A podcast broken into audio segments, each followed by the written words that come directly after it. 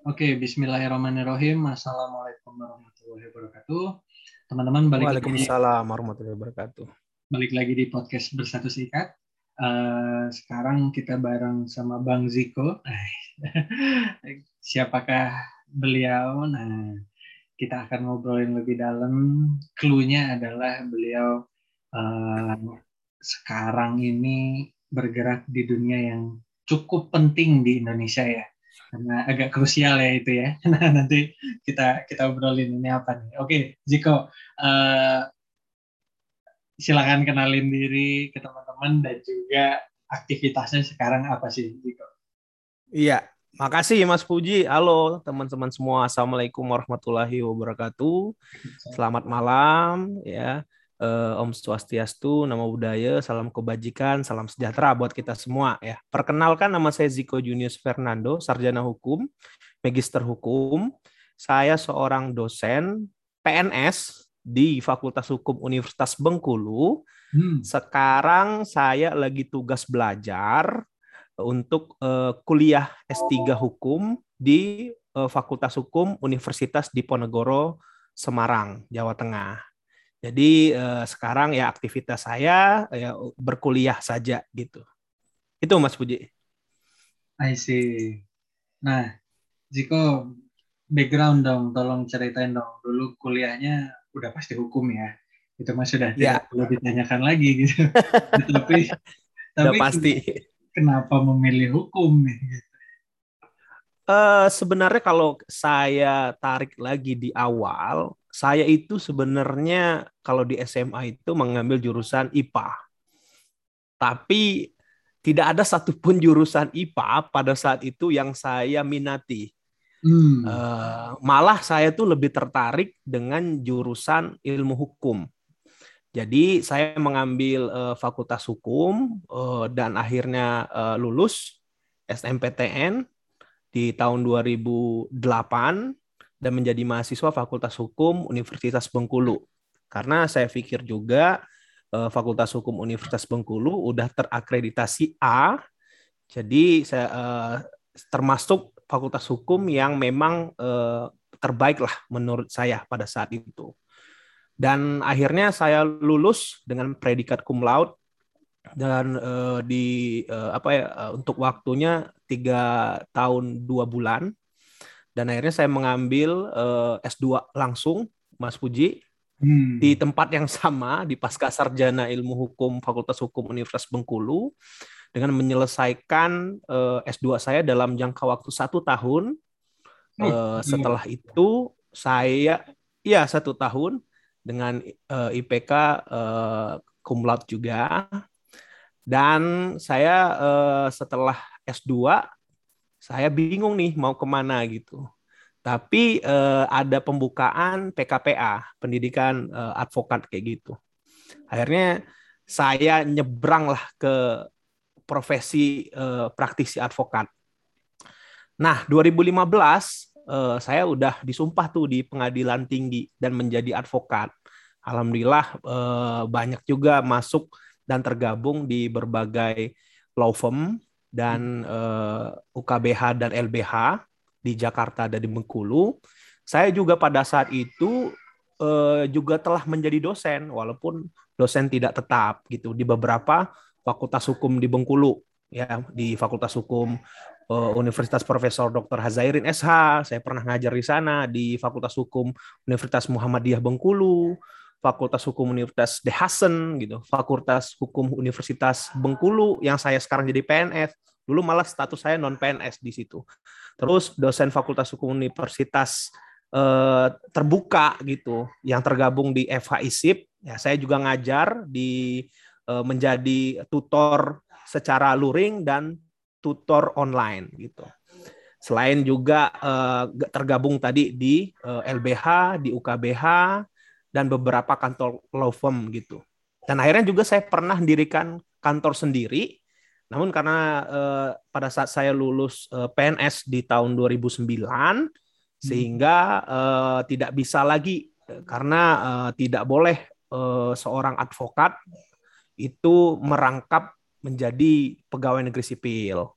Jadi harus memilih. Nah sekarang uh, kartu saya saya off-kan dulu sampai nanti bisa digunakan lagi mungkin ketika saya pensiun.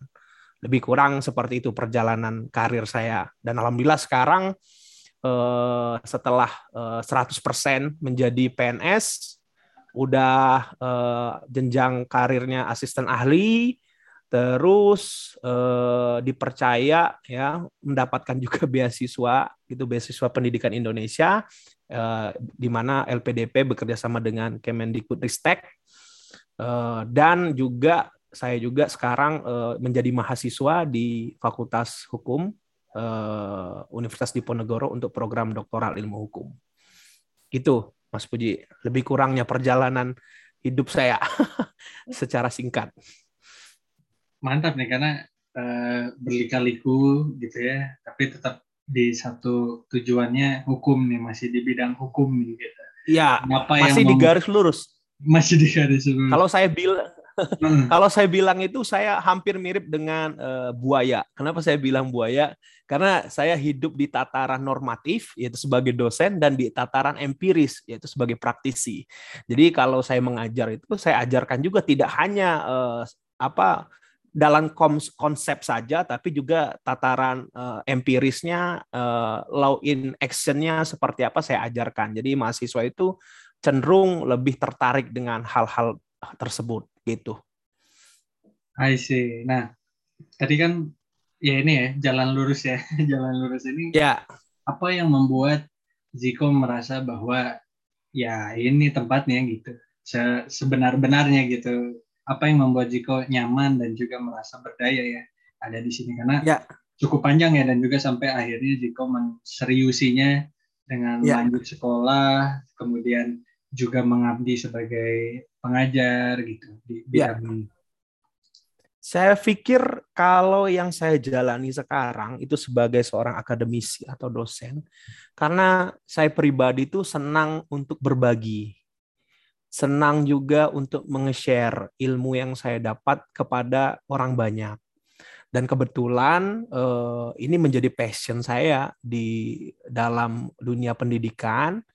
Selain juga mendapatkan ilmu tambahan, ya materi juga udah pasti karena dapat gaji. Juga saya pikir saya mendapatkan amal jariah juga nantinya kalau ilmu yang saya sampaikan ini diamanatkan oleh Eh, mahasiswa-mahasiswa saya dilakukan eh, dengan semestinya dan akhirnya itu yang menjadi tujuan dari hidup saya juga itu ke depan. Jadi tidak kebaikan di dunia mendapatkan kebaikan di akhirat. Karena saya pikir saya itu pengennya eh, menjadi orang yang nantinya kalaupun saya sudah tidak ada lagi di dunia ini, namun tetap dikenang gitu. Tetap nama saya itu ada gitu. Dan itu cita-cita saya gitu. Dibandingkan saya harus eh, punya banyak uang tapi setelah meninggalkan dunia ini eh, tidak ada yang mengenang saya gitu. Itu lebih lebih takut saya seperti itu. Jadi walaupun gaji saya pas-pasan, alhamdulillah lah, bukan pas-pasan, alhamdulillah. Namun ada ketenangan hati saya di sini, ada ketenangan batin saya bahwa e, untuk melakukan hal-hal yang mungkin tidak baik itu cenderung lebih sedikit ya dibandingkan saya di dunia advokat. Ya saya juga bilang bukan dunia advokat itu tidak baik gitu kan. Ya, tapi lebih cenderung banyak peluangnya untuk menjadi tidak baik gitu. Itu uh, point of view saya, Mas Puji. Tapi kalau orang berpikiran lain ya silakan. Karena saya juga lama juga di dunia advokat, uh, sekitar lima tahun, dan saya tahu baik buruknya seperti apa. Ya kehidupan abu-abunya gitu kan, dan lain sebagainya. Nah, mungkin di kesempatan yang lain saya bisa cerita lebih lanjut untuk itu. Tapi lebih kurangnya seperti itu. Menarik. Nah, istilahnya sekarang berarti Ziko sedang menabung bekal ya, gitu. Menabung apa ya. yang bisa dibawa gitu. Ya, saya pikir kita itu kan di dunia ini kan sementara ya, tempat persinggahan. Ya, kalau tempat persinggahan, ya kita kan mencari hal yang kekal gitu, di mana akhirat lah tempatnya. Jadi saya pikir kalau saya bukan bukan berarti saya bukan orang yang tidak mau berusaha juga karena dunia tidak tidak kekal akhirat yang kekal enggak juga tapi tetap saya berusaha gitu untuk mencapai sebuah kesejahteraan untuk anak dan istri saya untuk keluarga saya tapi mungkin eh, di dunia pendidikan itu lebih mengasihkan gitu lebih aman lebih nyaman lebih tenang gitu sehingga uh, saya pun uh, keluarga saya pun mungkin istri saya uh, udah melakukan kegiatan-kegiatan juga untuk membantu perekonomian keluarga. Jadi saya pikir udah cukup lah gitu untuk uh, masa depan gitu. Mudah-mudahan ada rezeki-rezeki lain. Mungkin kalau kita kalau kayak saya kan sebagai dosen, saya pernah juga menjadi ahli di beberapa Eh, kantor DPRD gitu di Bengkulu, juga ahli juga gitu di kantor atau perusahaan ya dan masih aktif sampai sekarang ya. Ketika ada uh, problem hukum dan saya kasih advice gitu uh, dan mereka udah cukup seperti itu saja udah saya digaji gitu. Alhamdulillah gitu. Seperti itu Mas Puji. I see. Nah kalau berarti bidangnya kalau hukum kan ada sub-subnya mungkin gitu. Uh, ya. Jiko di bagian mana nih yang paling Jiko banget lah gitu? Ya kalau saya sih pernah menjalani kedua bidang ini, akademisi dan praktisi hukum. Jadi kalau sekarang saya lebih ke akademisi hukum. Ya, e, namun eh, hal-hal yang saya dapat di dunia praktisi juga tidak saya tinggalkan gitu. Salah satunya tadi saya menjadi konsultan hukum di perusahaan eh, di Bengkulu. Saya eh, bisa meng-share pengalaman saya menjadi praktisi yang alhamdulillah pada saat itu saya dianggap eh, seorang praktisi baru, masih muda, tapi eh, cukup baiklah gitu untuk karirnya gitu dipandang eh, sebagian orang gitu. Jadi saya pikir kalau sekarang saya lebih arahnya itu ke akademisi. Karena itulah kenapa saya ngambil eh, S3 untuk kuliah lebih lanjut. Karena tujuan akhir saya kalau di akademisi yang menjadi profesor itu yang yang yang pastinya gitu. Dan insya Allah dengan mengambil jalan untuk kuliah lagi ini ya itu semua insya Allah bisa tercapai. Gitu Mas Puji. Amin. Berarti kalau pidana perdata atau gitu berarti semua digarap ya? Uh, oh enggak enggak gitu. Jadi kalau Mas Puji nanya ya, kalau nanyanya ke arah sana, kalau saya keilmuan saya hukum, tapi lebih spesifik ke hukum pidana, criminal oh, law. Nah, hmm. jadi apa-apa yang berkaitan dengan hukum pidana, ya insya Allah saya bisa untuk menjawab gitu kalau ada yang nanya atau uh, pada saat saya mengajar. Tapi saya juga itu tadi yang saya katakan ada beberapa keilmuan juga seperti keperdataan, hukum tata negara, hukum administrasi negara yang juga saya bisa untuk uh, memberikan jawaban tapi mungkin tidak detail karena uh, itu tadi ya kan spesifik keilmuan saya itu lebih ke hukum pidana. Jadi kalau misalnya teman-teman kadang e, memanggil saya sebagai narasumber atau mengisi seminar itu memang dalam konteks keahlian saya sebagai dosen hukum pidana di Fakultas Hukum Universitas Bengkulu. Gitu, Mas. I see. Nah, kalau Jiko merasakan ini berarti udah berapa tahun ya Jiko berkarir dari setelah lu Kalau uh -uh. 2013, 2013 saya udah mulai ngajar itu. Sambil ikut uh, apa uh, eh, PKPA, pendidikan profesi advokat. Nah, pengalaman apa yang paling membekas atau paling bermakna selama perjalanan karir ini ya? Karena kan tadi Ciko juga cerita ya. banyak ya dari dari lulus kuliah sempat ke sana, ya. Ada apa perusahaan juga sempat um, ya. di sini di situ gitu. Nah, uh, apa yang menjadikan Jiko uh, apa ya lebih baik lah ya atau ya. ada pegangan hidup atau uh, ya. inspirasi yang akhirnya Jiko dapat dari uh, pembelajaran yang bermakna dari si karir ini gitu. Iya, saya dulu uh, Mas Puji ya. mungkin salah satu anak muda yang mungkin juga ditakdirkan eh, ketika sebelum 2015 itu belum punya uang lah gitu ya. Bisa dikatakan seperti itulah. Gaji eh, sebagai dosen tidak tetap itu masih pas-pasan lah. Kadang uang bensin aja saya bilang tidak cukup ya. Itu kenyataan. Namun di atas uh, di 2015 2016 itu Tuhan saya kasih cobaan sebenarnya bukan bukan apa ya bukan uh, anugerah lah karena saya mulai di, diberikan pemasukan yang cukup luar biasa gitu jomplang sekali ya hmm. karena saya me, uh, dalam satu kasus case perkara itu ya terutama pada saat itu saya banyak menangani kasus-kasus tipikor kasus narkoba kasus-kasus korporat gitu kan. Satu bulan tuh saya bisa ngantongin tuh 50 sampai 100 juta. Ya. Dan ketika itu saya merasa saya anak muda yang ya notabene baru dapat uang eh, banyak gitu kan. Dan saya kebingungan. Saya mau apakan nih uang. Nah, jadi eh, mulailah muncul keegoisan dalam diri gitu kan. Apa-apa saya beli ya semua dari mulai pakaian dan lain-lain uh, pergi ke sana ke sini tanpa saya memikirkan masa depan gitu. Menabung dan lain-lain itu saya tidak pikirkan. Yang saya tahu hari ini saya dapat sekian bulan depan saya pun dapat segitu lagi gitu. Atau mungkin lebih gitu. Nah kehidupan pak saya pada saat itu sangat-sangat inilah gitu. Kalau dikatakan uh, kata orang itu parlente lah. Maka saya di kampus itu kalau ngajar itu saya pakai jas, pakai dasi. Beneran itu Mas Puji ya. Sehingga saya dikata-katain orang, ini direktur dari mana ini gitu.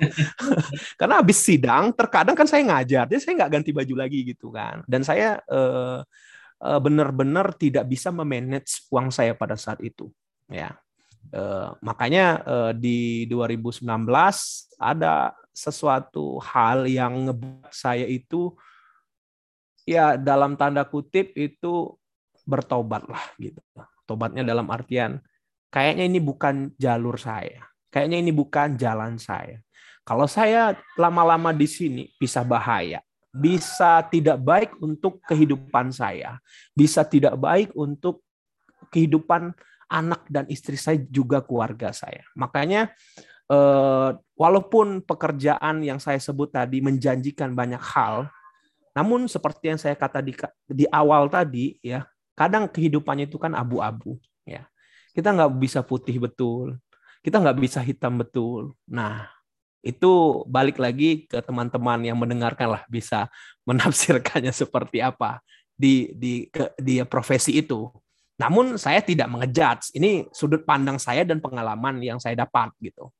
Sehingga saya eh, ya sudah banyak merasakan inilah hal-hal yang tidak baik lah gitu pada saat saya eh, ya berprofesi sebagai seorang advokat yang mulai mengenal eh, kehidupan malam gitu terus Eh, mengenal minuman keras gitu dan lain. Padahal sebelumnya saya nggak mengenal sama sekali hal-hal yang seperti itu.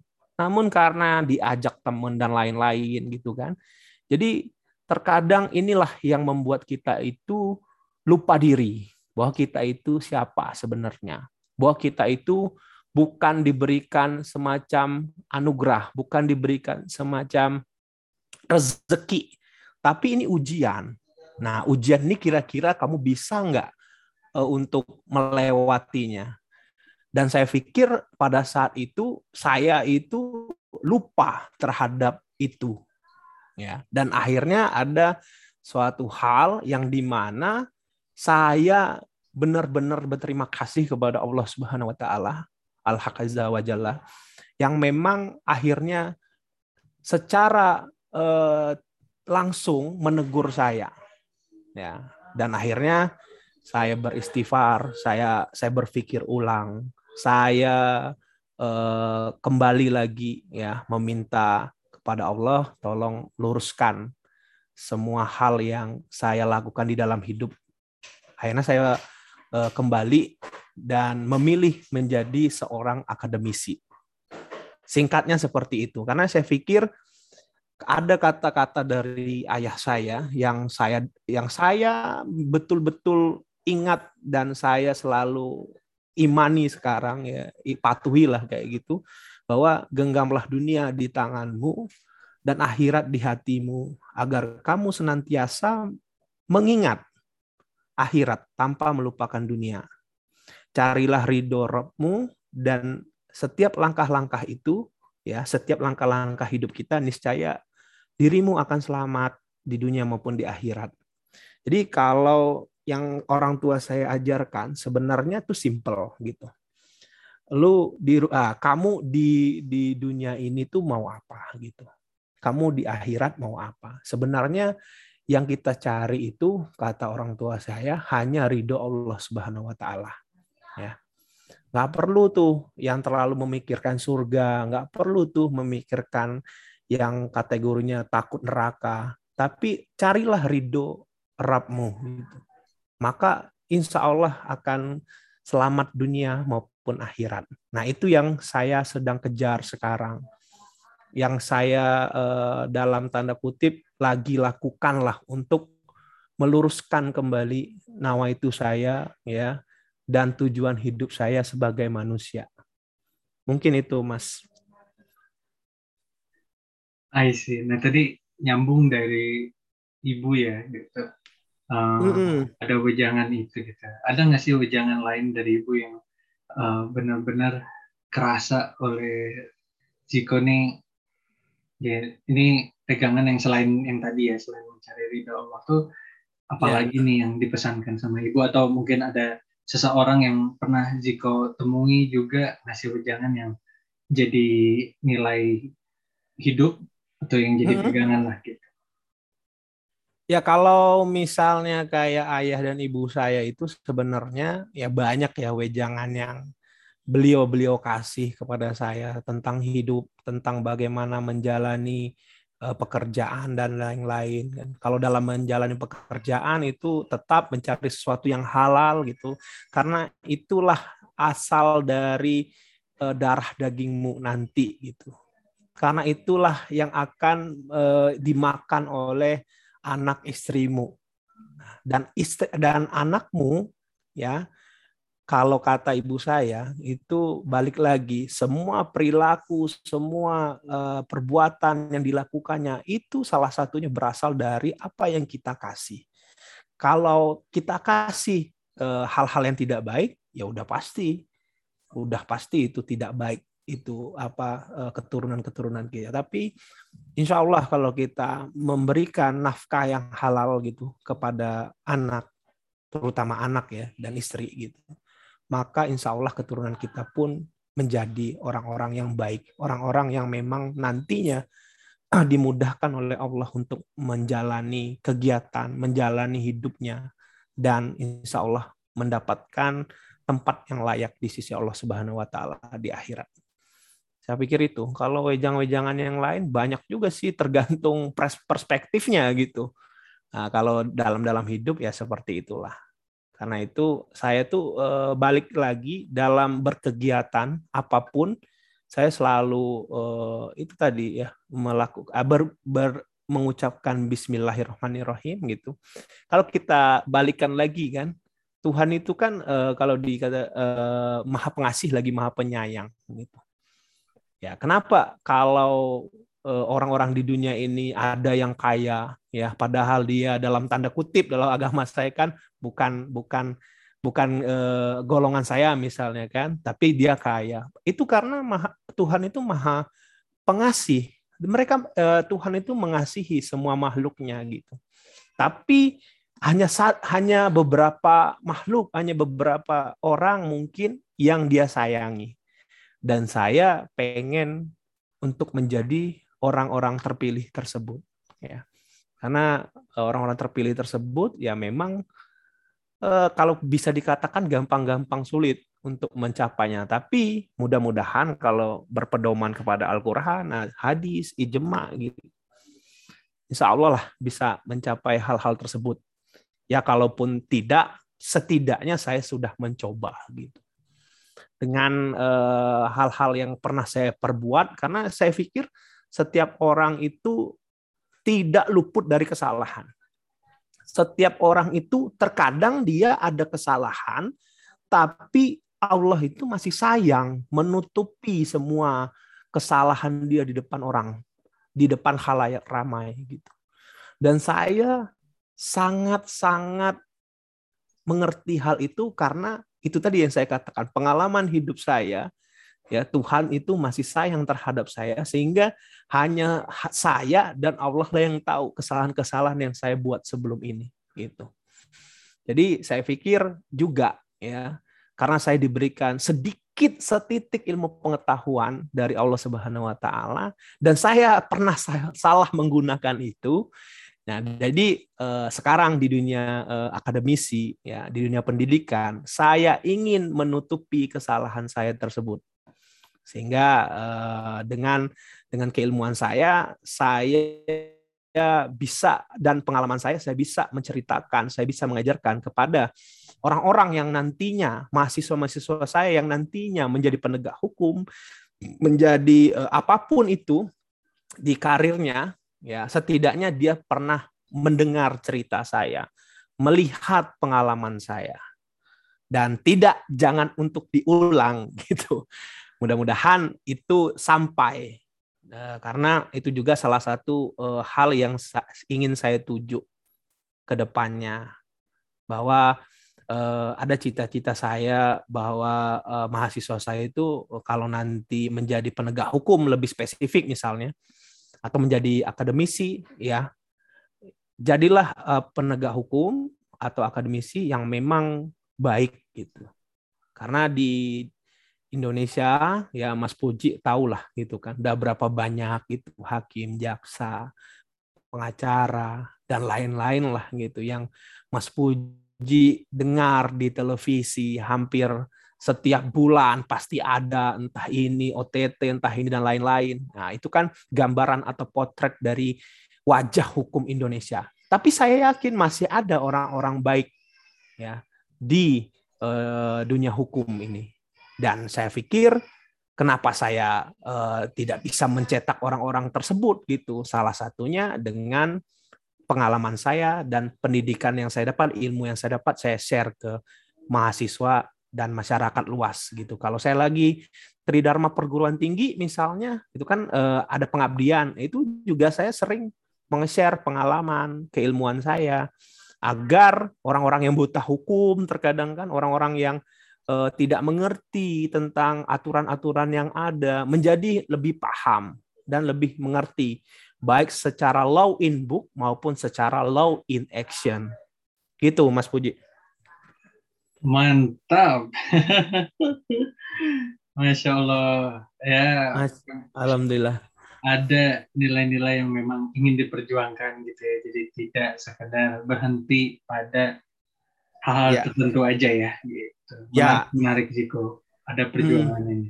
Nah, ini karena udah di penghujung ya. Saya ya. tanya pamungkasnya gini nih. Ziko tadi udah sempat sih cerita sedikit ya. tentang nextnya ya bahwa ya. Ziko uh, pengen mencetak mahasiswa-mahasiswa ya. yang uh, istilahnya hmm, sesuai lah dengan yang Ziko tujukan lah ya. Gitu. Iya. Nah, sekarang sih pertanyaan gini, what's next hmm. buat Ziko-nya sendiri gitu ya, dan juga mungkin Ziko terhadap lingkungan, what yeah. next, and then ini apa, uh, apa yang menjadi ukuran kesuksesan dan kebahagiaan bagi Ziko sendiri. Itu ya. sih, Ziko. Silakan, silakan. Kalau saya ditanya apa selanjutnya, selanjutnya saya yang pertama itu kuliah dengan baik dan benar gitu. Bisa lulus tiga tahun di uh, Fakultas Hukum ya program doktoral Universitas Diponegoro ya uh, di 2024 saya lulus. Terus untuk masyarakat walaupun saya tugas belajar posisinya sekarang tapi saya juga tidak berhenti untuk kadang diundang sebagai narasumber, kadang diundang sebagai moderator, kadang diundang sebagai eh, apalah eh, yang bisa memberikan materi lah gitu pada prinsipnya kepada masyarakat luas tentang hukum. Baik itu apalagi pada saat sekarang nih ya kan pada saat eh, luring eh daring sorry daring di eh, kadang di Zoom, kadang di Microsoft Teams gitu. Hmm. Saya saya juga eh, tergabung juga eh, Mas di penyuluh anti korupsi KPK RI. Hmm. Jadi memang ada program tersendiri bagi penyuluh anti korupsi itu menyuluh setiap tahun itu wajib diwajibkan minimal itu tiga. Kalau maksimal nggak terbatas, silakan saja gitu. Terus untuk selanjutnya juga saya pengen menulis buku gitu, buku karena saya pikir kalau saya kembalikan lagi ke awal kan tujuan saya ingin uh, dikenang orang ya kan? Salah satunya lewat buku gitu. Karena Pramudia Anantatur itu kan salah satu bahwa kita bisa dikenang dan hidup selamanya itu dengan salah satunya caranya itu menulis gitu. Agar kita dikenang orang. Ya walaupun jasad e, raga kita sudah tidak ada di dunia ini tapi tulisan-tulisan kita masih tetap dikenang masih bisa tetap dibaca masih tetap bermanfaat. Dan itu balik juga ke tujuan awal saya kan dapat amal jariah gitu. Dah, alhamdulillah eh, ada beberapa hal yang sudah saya. Ini kebetulan bulan-bulan inilah saya udah ada satu buku saya akan terbit gitu tentang eh, malpraktik kedokteran, pertanggungjawaban pidananya. Jadi saya susun, insya Allah bulan ini terbit. Dan untuk mahasiswa sendiri, saya selalu open dengan mahasiswa. Kadang mungkin Mas Puji kebingungan kadang saya saya saya kasih waktu 24 jam sama mahasiswa Mas. Mau hmm. nanya apa, ya, mau uh, uh, apa berdiskusi tentang apa, apalagi adinda-adinda saya di himpunan mahasiswa Islam karena saya juga di HMI juga kan. Jadi sering itu berkomunikasi dan memang uh, dengan perbanyak silaturahim itu selain menambah rezeki juga kita keilmuan kita itu tidak akan hilang ya Nah, itu sih eh, yang saya ingin lakukan ke depan ya. Mungkin untuk yang lain-lain ya kita lihat nantilah, tapi yang terdekat ini yaitu tadi pengabdian masih lanjut, kuliah eh, insya Allah bisa selesai dengan cepat karena harus fokus ya kan. Malu juga kita nanti udah dikasih beasiswa oleh negara nggak lolos, agak eh, lulus atau nggak lulus tepat waktu gitu kan. Terus membuat buku, Mungkin nanti membuat jurnal juga, baik itu berindeks Sinta maupun yang uh, jurnal internasional. Uh, itu dulu sih, karena saya pikir gini, apa saja sih yang bisa membuat uh, banyak orang itu uh, ya bermanfaat lah buat banyak orang saya jabanin. Ya termasuk tadi yang mas tanyakan ini loh gua apa nih? Negarawan gitu. Nah itu negarawan itu negarawan ID itu salah satu komunitas yang memang menge-share kebaikan, ya, menge-share hal-hal yang bisa e, berguna bagi masyarakat. Nah, saya juga tergabung tuh di situ. Ya. Kalau ditanya dibayar nggak? Nggak ada dibayar. Dibayar dengan doa, dibayar dengan silaturahim. Saya banyak kenalan dengan teman-teman PNS terutama di seluruh Indonesia gitu. Jadi nantinya gitu kalau saya pergi ke mana itu ada gitu. Jadi saya pikir hidup itu cuma hal-hal yang simple aja sih. Jangan terlalu dipikir-pikir yang berat-berat. Karena kalau di, terlalu dipikir yang berat, saya pikir eh, tidak juga akan eh, selesai gitu. Kalau memang itu, tapi dianggap biasa aja gitu.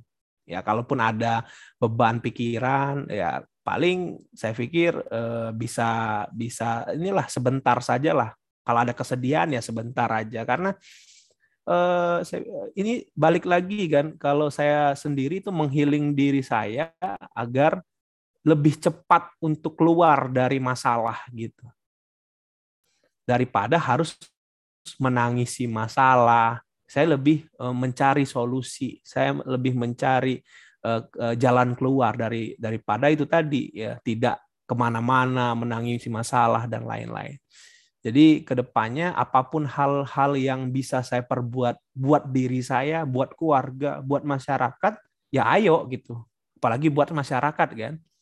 Dan saya eh, balik lagi ya untuk masyarakat ini ya terkadang eh, memang tidak ada benefit secara profit, ya, tapi it, yang kita rasakan kita bisa bermanfaat bagi masyarakat luas dan akhirnya masyarakat itu sendiri yang nantinya bisa respect kepada kita, bisa memberikan rezeki mungkin kepada kita dan lain-lain lah. Pasti banyak manfaatnya yang bisa kita dapat kalau kita uh, berbuat baik apalagi uh, kepada masyarakat gitu. Kita saya saja diajarkan ya untuk ber, uh, apalagi kan di dalam agama saya Islam gitu diajarkan berbuat baik kepada semua makhluk ya. Nggak hanya manusia, tapi tumbuhan juga, hewan juga ya apalagi sesama manusia gitu. Jadi itu sih tujuan saya ke depan. E, kalau yang pendeknya itu tadi itu lulus kuliah, nulis gitu, pengabdian yang masih dilanjutkan gitu. Kalau ada program-program misalnya kayak e, tadi yang saya katakan negarawan, ID gitu dan beberapa program sosial lainnya, saya mau kok terlibat gitu. Gitu loh, Mas Puji. I see. Iya, yeah, ya. Uh, kalau kalau ukuran kesuksesan dan kebahagiaannya gimana tuh? Oh iya, itu tadi lupa ya. Ya, ukuran sukses dan kebahagiaan. Kalau saya itu ukuran sukses dan kebahagiaan tuh saya bisa makan dengan tenang, saya bisa tidur dengan nyenyak, saya bisa bangun pagi dengan sehat. Cuma itu doang, Mas. Kalau saya nggak perlu ukuran kebahagiaan itu duit banyak, saya nggak nggak nggak ke sana. Tapi itu tadi bisa makan dengan enak, bisa tidur dengan nyenyak, bisa beraktivitas dengan baik dan bangun dengan kondisi yang baik, itu sehat. Itu aja udah cukup kok. Karena semua rezeki sebelum kita lahir pun semuanya udah ada, tinggal kita mau bergerak atau tidak mengambilnya. Nah, jadi cuma itu aja sih siklus hidup saya gitu bersyukur, bersyukur, bersyukur dengan nikmat yang semua nikmat yang diberi gitu. Apalagi kalau kita ngelihat misalnya ada teman-teman yang kekurangan organ badan gitu dan lain-lain, organ tubuh gitu. Eh, maaf, maaf misalnya cacat dan lain-lain. Saya melihat diri saya harusnya saya bersyukur jauh ya. Mereka aja bersyukur kenapa juga kita tidak gitu. Artinya kita kufur nikmat gitu. Dan saya nggak mau jadi orang seperti itu. Jadi itu tadi balik yang saya katakan tadi mas ya cukuplah uh, membuat saya itu bahagia gitu. Dan lihat anak sih anak istri saya tersenyum udah clear lah gitu hidup saya. Walaupun kadang nggak punya uang tapi jalani aja. Pasti ada jalannya kok gitu. Uh, apa uh, tumbuh apa hewan aja ada rezekinya ya kan? Tumbuhan aja ada rezekinya apalagi kita gitu manusia gitu. Pasti sudah ada rezekinya. Tinggal kita percaya atau tidak atas rezeki tersebut dan atas Allahnya. Gitu sih mas. Siap kuncinya di ketenangan ya.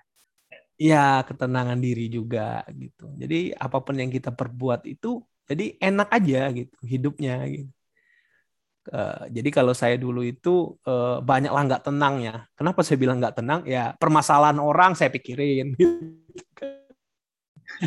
Terus kadang orang uh, memin uh, pada saat jadi advokat kan, kadang orang tuh minta ini, minta itu, minta ini, minta itu, aneh-aneh permintaannya mas. Ya, nggak usah saya sebut lah gitu, aneh-aneh permintaannya dan dan saya nggak sanggup lah. Ya, mungkin ada orang yang sanggup ya silakan gitu dengan semua konsekuensi dan resikonya, tapi saya nggak bisa ya saya masih muda. Saya saya saya punya keluarga saya punya anak istri ya yang saya sangat sayangi dan saya saya cintai. Dan saya nggak mau ngelihat mereka sedih gitu. Itu aja dengan perbuatan-perbuatan saya. Saya nggak mau ya. Lebih baik hidup seperti ini eh, tenang ya tidak ada problem. Ya kita kita dikenal orang menjadi pribadi yang baik gitu. Apalagi dosen. Dosen itu ibarat katakan uh, kalau udah terdengar oh, dosen nih itu jadi agak gimana gitu. Pendapat orang tuh dosen itu baik semua kan. Terkadang kan seperti itu orang-orang awam berpikiran kan. Makanya saya nggak mau menodai hal-hal yang seperti itu. Ya kalau saya bisa baik sama orang, ya saya tidak mau berdramaturgi gitu untuk eh, menjadi orang yang tidak baik gitu. Eh, karena itu tadi yang saya katakan kalau balik lagi ke tujuan hidup saya, ya salah satunya saya harus eh, menjadi pribadi yang baik gitu mas siap Ziko, thank you banget bergizi yep. sekali pada Wes. jelas. Yap. Padahal saya pikir masih lama nih ternyata udah selesai. Alhamdulillah, moga-moga punya uh, apa ya semacam insight yang baiklah untuk teman-teman yang mendengarkan ya, Mas Puji ya. Walaupun cuma nggak seberapa sih perjalanan hidup saya tapi mudah-mudahan ya mendapatkan manfaat lah bagi yang mendengarkan. Dan Mas Puji lah yang membuat konten ini gitu. Mudah-mudahan juga mendapatkan amal ibadah lah untuk ini. Karena menge-share uh, hal-hal yang baik kepada orang-orang atau yang mendengarkan ya. Nggak banyak orang seperti Mas Puji dan nggak banyak juga orang yang memilih jalan-jalan seperti ini itu kadang orang hanya mager aja di rumah gitu nggak ngakuin apa-apa. Saya pikir itu orang-orang yang sangat merugi gitu. Itu aja Mas Puji thank you thank you banyak lah gitu thank bisa nge-share doa-doanya. kehidupan saya gitu. inspirasi siap. semua. Siap. keep kontak Ziko. Pokoknya siap siap Mas Puji uh, semoga bermanfaat semua. Uh, amin ya Allah. amin perjalanan amin amin amin jadi siap siap siap manfaat buat orang banyak ya. Oke, okay. Mas Puji sehat-sehat ya. Sukses. Oke, okay, Jiko, pamit yep. duluan ya. Assalamualaikum okay. warahmatullahi wabarakatuh. Thank you, thank you banget. Waalaikumsalam warahmatullahi wabarakatuh. Ya.